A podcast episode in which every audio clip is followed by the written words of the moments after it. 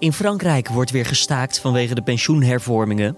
De ministeriële commissie crisisbeheersing komt bijeen vanwege coronavirus. Het Internationaal Olympisch Comité praat over de gevolgen voor de Spelen in Tokio. En het is Super Tuesday in de Verenigde Staten. Dit wordt het nieuws. Nu is het heel erg de vraag of uh, Joe Biden erin zal slagen om als uh, nou ja, een beetje de kampioen van de gematigden toch dat kamp achter zich te verenigen. En, en dan is de verwachting, zou hij Bernie Sanders wel wat, van wat meer concurrentie kunnen voorzien dan uh, tot nu toe het geval is. 14 Amerikaanse staten staan vandaag in het teken van Super Tuesday. Op deze dag mogen kiezers in onder meer Californië en Texas hun voorkeur laten weten voor de democratische presidentskandidaat. Momenteel strijden Bernie Sanders en Joe Biden voor de rol als favoriet. Maar er kan nog een verrassende naam bij komen. Over deze Amerikaanse politieke superdag praat onze buitenlandredacteur Matthijs Lelou je straks bij. Eerst kort het belangrijkste nieuws van nu. Mijn naam is Julian Dom en het is vandaag dinsdag 3 maart.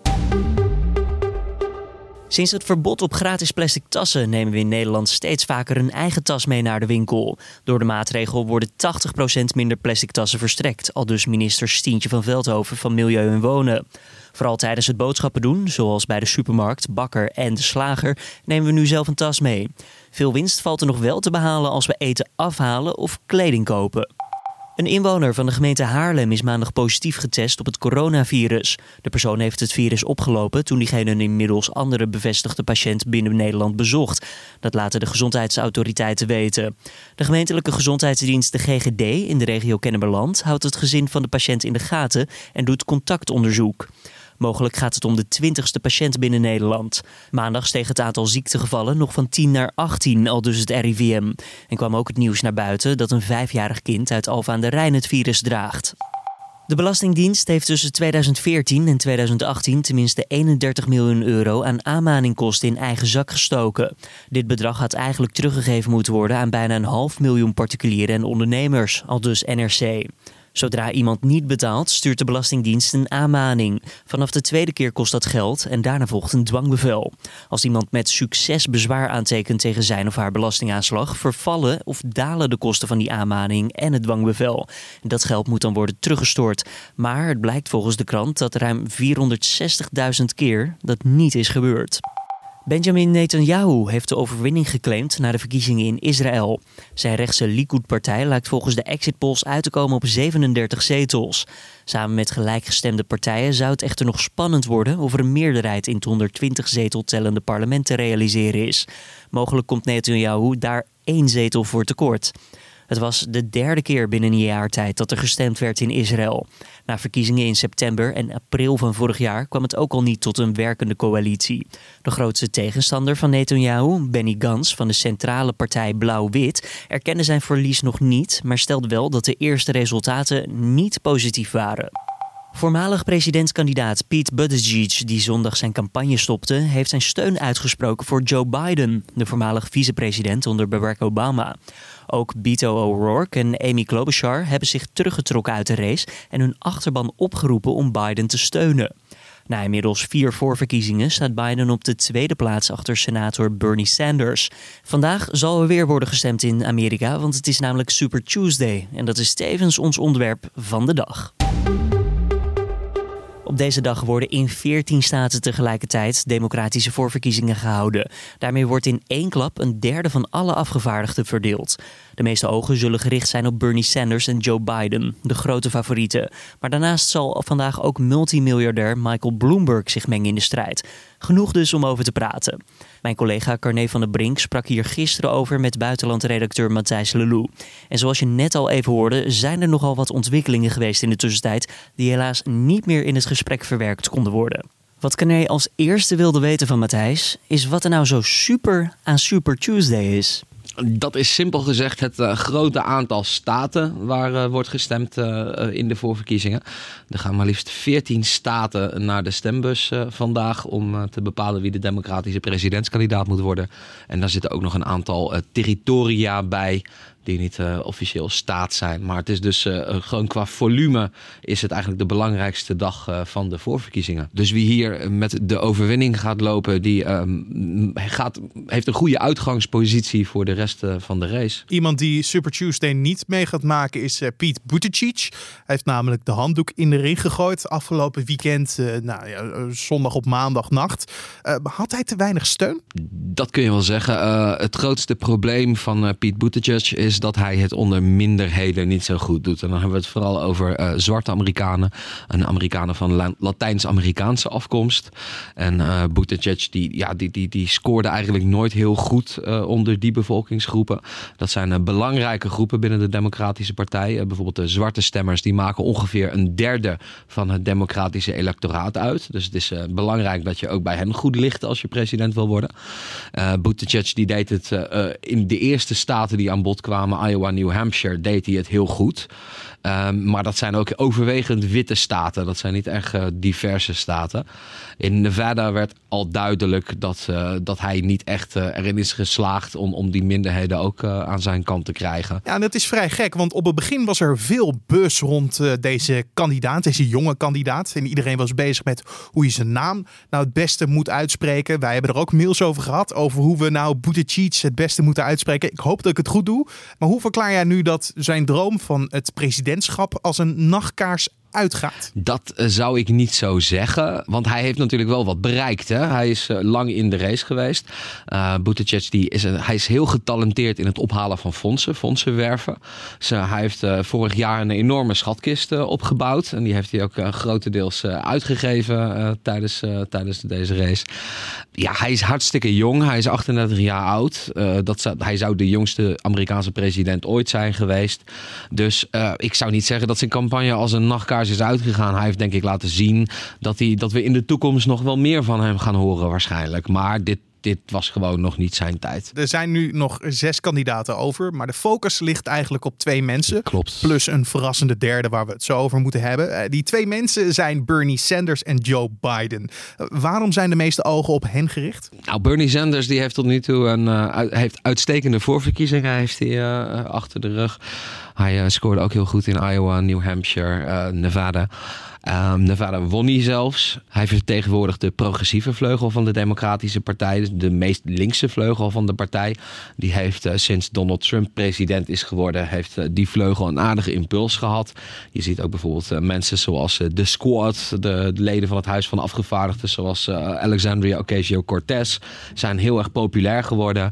de partij heeft duidelijk wel een, een ruk naar links gemaakt. En, en eigenlijk die progressieve vleugel, die, die is heel erg achter Bernie Sanders gaan staan.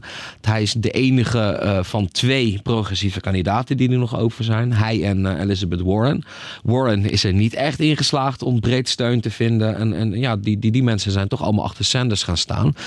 Uh, en dat terwijl aan de gematigde kant van de partij, um, nou ja, die mensen die konden kiezen uit een, uh, een heleboel kandidaten. Uh, Biden, Buttigieg voor, voor gisteren. Um, nou ja, dan heb je nog Amy Klobuchar, je hebt Bloomberg, waar we het straks ook nog even over gaan hebben. Dus dat, dat, dat kamp is veel meer versnipperd.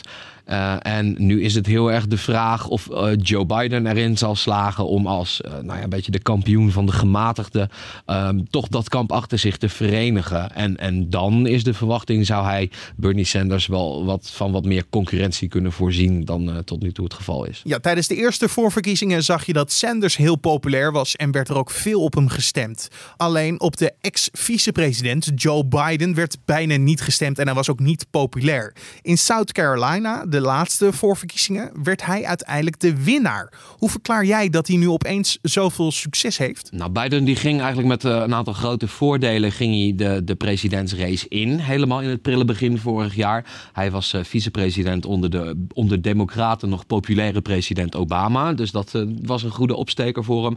En hij is een, van zichzelf een politicus met een hele grote naamsbekendheid en lange staat van dienst. maar tijdens de campagne bleek toch dat er niet heel erg veel over was gebleven van de vurige Joe Biden die de Amerikanen in de afgelopen 30 jaar hebben leren kennen. Hij kwam wat flats over. Ehm, hij versprak zich vaker dan normaal. Hij kwam met wat verouderde verwijzingen. Hij zei bijvoorbeeld dat je overdag de platenspeler moest aanzetten zodat kinderen toch nog aan hun vocabulaire konden werken. Nou dat zijn wat vervreemdende opmerkingen. Uh, en, en zo zakte, hij was aanvankelijk de topfavoriet en dat zakte wat in elkaar. Hij deed het ook uh, tijdens de eerste voorverkiezingen in Iowa, New Hampshire en Nevada deed hij het uh, vrij slecht. Toen kwam South Carolina.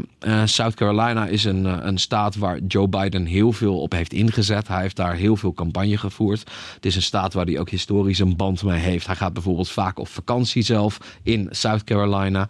En South Carolina is een staat met een hele grote zwarte bevolking. En als vicepresident van Obama doet Biden het ook onder hen in de regel goed. Nou hij ging dus uiteindelijk met een, een mooie overwinning lopen in South Carolina. En nu is het heel erg de vraag of hij dat ook, ook zal weten vast te houden. Als je bijvoorbeeld naar Californië kijkt, een hele belangrijke staat, heel veel gedelegeerden. Andere kandidaten die zetten er volop in, die hebben heel veel medewerkers naar die staat gestuurd, voeren daar volop campagne, wonen veel bijeenkomsten bij. Joe Biden doet dat niet. Dus mensen maken zich wel een beetje zorgen dat uh, Biden misschien ook op Super Tuesday uh, verder achter zal blijven dan je op grond van zijn overwinning in South Carolina zou vermoeden. En dan moeten we het hebben over de verrassing die pas sinds vandaag op het stembiljet gaat staan. De heer Michael Bloomberg, de voormalig burgemeester van New York. We hebben eerder al in de podcast een soort karakterschets over hem gemaakt. Dus die zullen we linken in de beschrijving. Die kan je dan nog even luisteren als je die hebt gemist. Alleen, waarom doet hij nu pas mee? Nou, Bloomberg die heeft een aantal, die heeft een, een aantal strategische keuzes gemaakt die uh, heel erg buiten de norm vallen van wat, wat gewoon is tijdens verkiezingen. En een van die keuzes uh, is geweest dat hij heeft gewoon besloten om, om de eerste ronde van voorverkiezingen tot aan uh, Super Tuesday om die gewoon over te slaan. En hij heeft zijn uh, niet onaanzienlijke fortuin, dat wordt geschat op zo'n uh, 60 miljard dollar, heeft hij ingezet om een ongeëvenaard grote advertentiecampagne te voeren met tv-spotjes in, in vooral de, de, de, de staten die op Super Tuesday aan de beurt komen. Um, ja, en hij, hij heeft zich echt een, een, een weg in de, deze verkiezingsrace gekocht. Zo zou je dat wel kunnen zeggen. Uh, hij heeft, geeft bijvoorbeeld ook heel erg veel geld uit aan uh, zijn organisatie uh, in de staten in kwestie. Kijk, alle kandidaten die openen dan een kantoortje in bepaalde staten. En dan kunnen die mensen daar, kunnen ze on the ground, kunnen ze stemmers gaan werven. en Bloomberg, ja, er valt toch echt wel de, de schaal van, van die operatie valt op. En vooral hoeveel geld hij daaraan uitgeeft. Ja, hij heeft natuurlijk zijn fortuin gemaakt als, als media tycoon. Bloem, van, van het persagentschap Bloomberg. Uh, en hij heeft ook heel veel personeel uit zijn uh, bedrijf heeft hij overgeheveld naar zijn campagne zodat het uh, of zeg, echt op een professionele wijze gevoerd wordt. Een groot team inderdaad, ja. Maar het is ook natuurlijk ook gelijk, zoals je net al zei, de kritiek. Hij heeft meegedaan in verschillende debatten. Uh, daarin kreeg hij flinke klappen te verduren. Uh, elke keer kwam het terug op, ja, je kan niet het presidentschap kopen. Waar het nu wel op lijkt inderdaad. hoe staat hij nu in de race? Nou, bij het democratische establishment is hij nog steeds niet erg geliefd. Dat heeft er ook mee te maken dat toen hij burgemeester van New York was, was hij een republikein. hij heeft daar stop en frisk heeft hij daar ingevoerd. Dat betekent dat preventief fouilleren op straat om, om criminaliteit tegen te gaan. En uh, dan bleek dat uh, vooral zwarte Amerikanen daar onevenredig hard door werden getroffen, dat beleid. Nou ja, dat, dat, dat, dat is iets wat, wat, wat heel veel zwarte kiezers in, in de VS hem nog niet zullen hebben vergeven.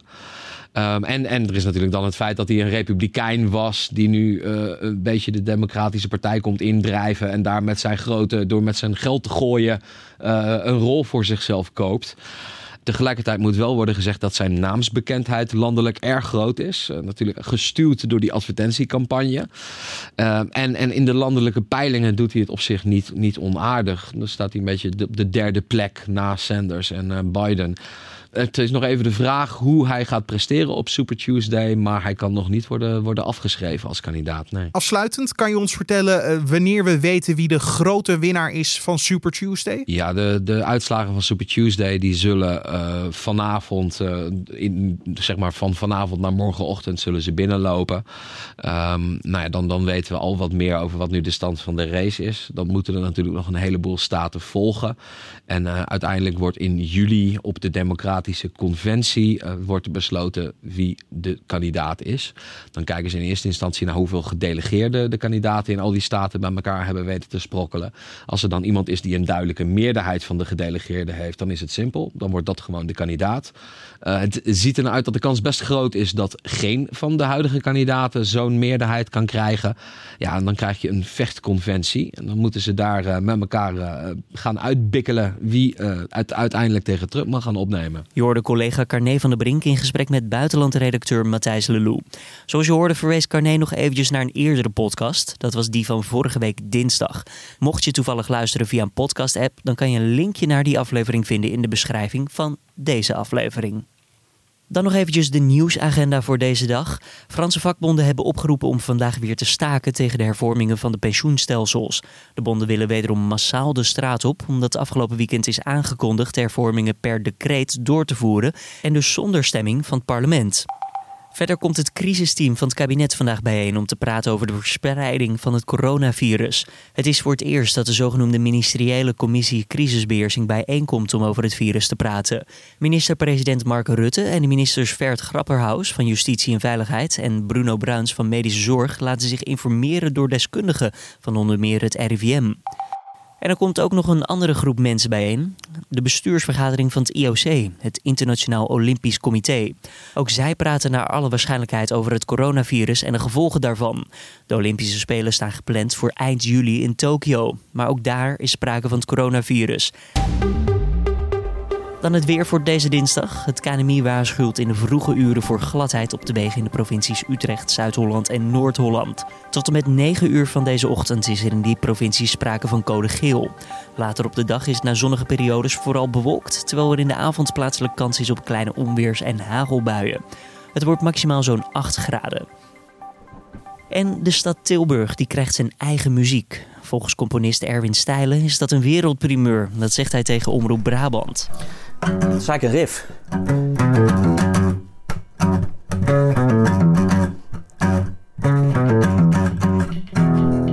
Dat is eigenlijk alles. Het geluid moet mensen meteen de link laten leggen met Tilburg. Als je het een hoort, moet je denken aan het ander, is het idee. Over twee weken wordt de muziek officieel gepresenteerd en vanaf dat moment mogen lokale initiatieven ermee aan de slag en hun eigen draai geven aan de tonen die Erwin heeft gemaakt. Dit was dan de ochtendpodcast op nu.nl. Zoals gisteren krijg je later deze middag ook weer een middagpodcast van ons te horen. Daarin praten we hierbij over wat zich vandaag allemaal heeft afgespeeld.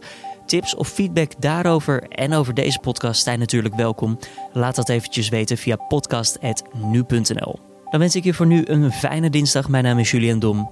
En zoals gezegd, tot vanmiddag.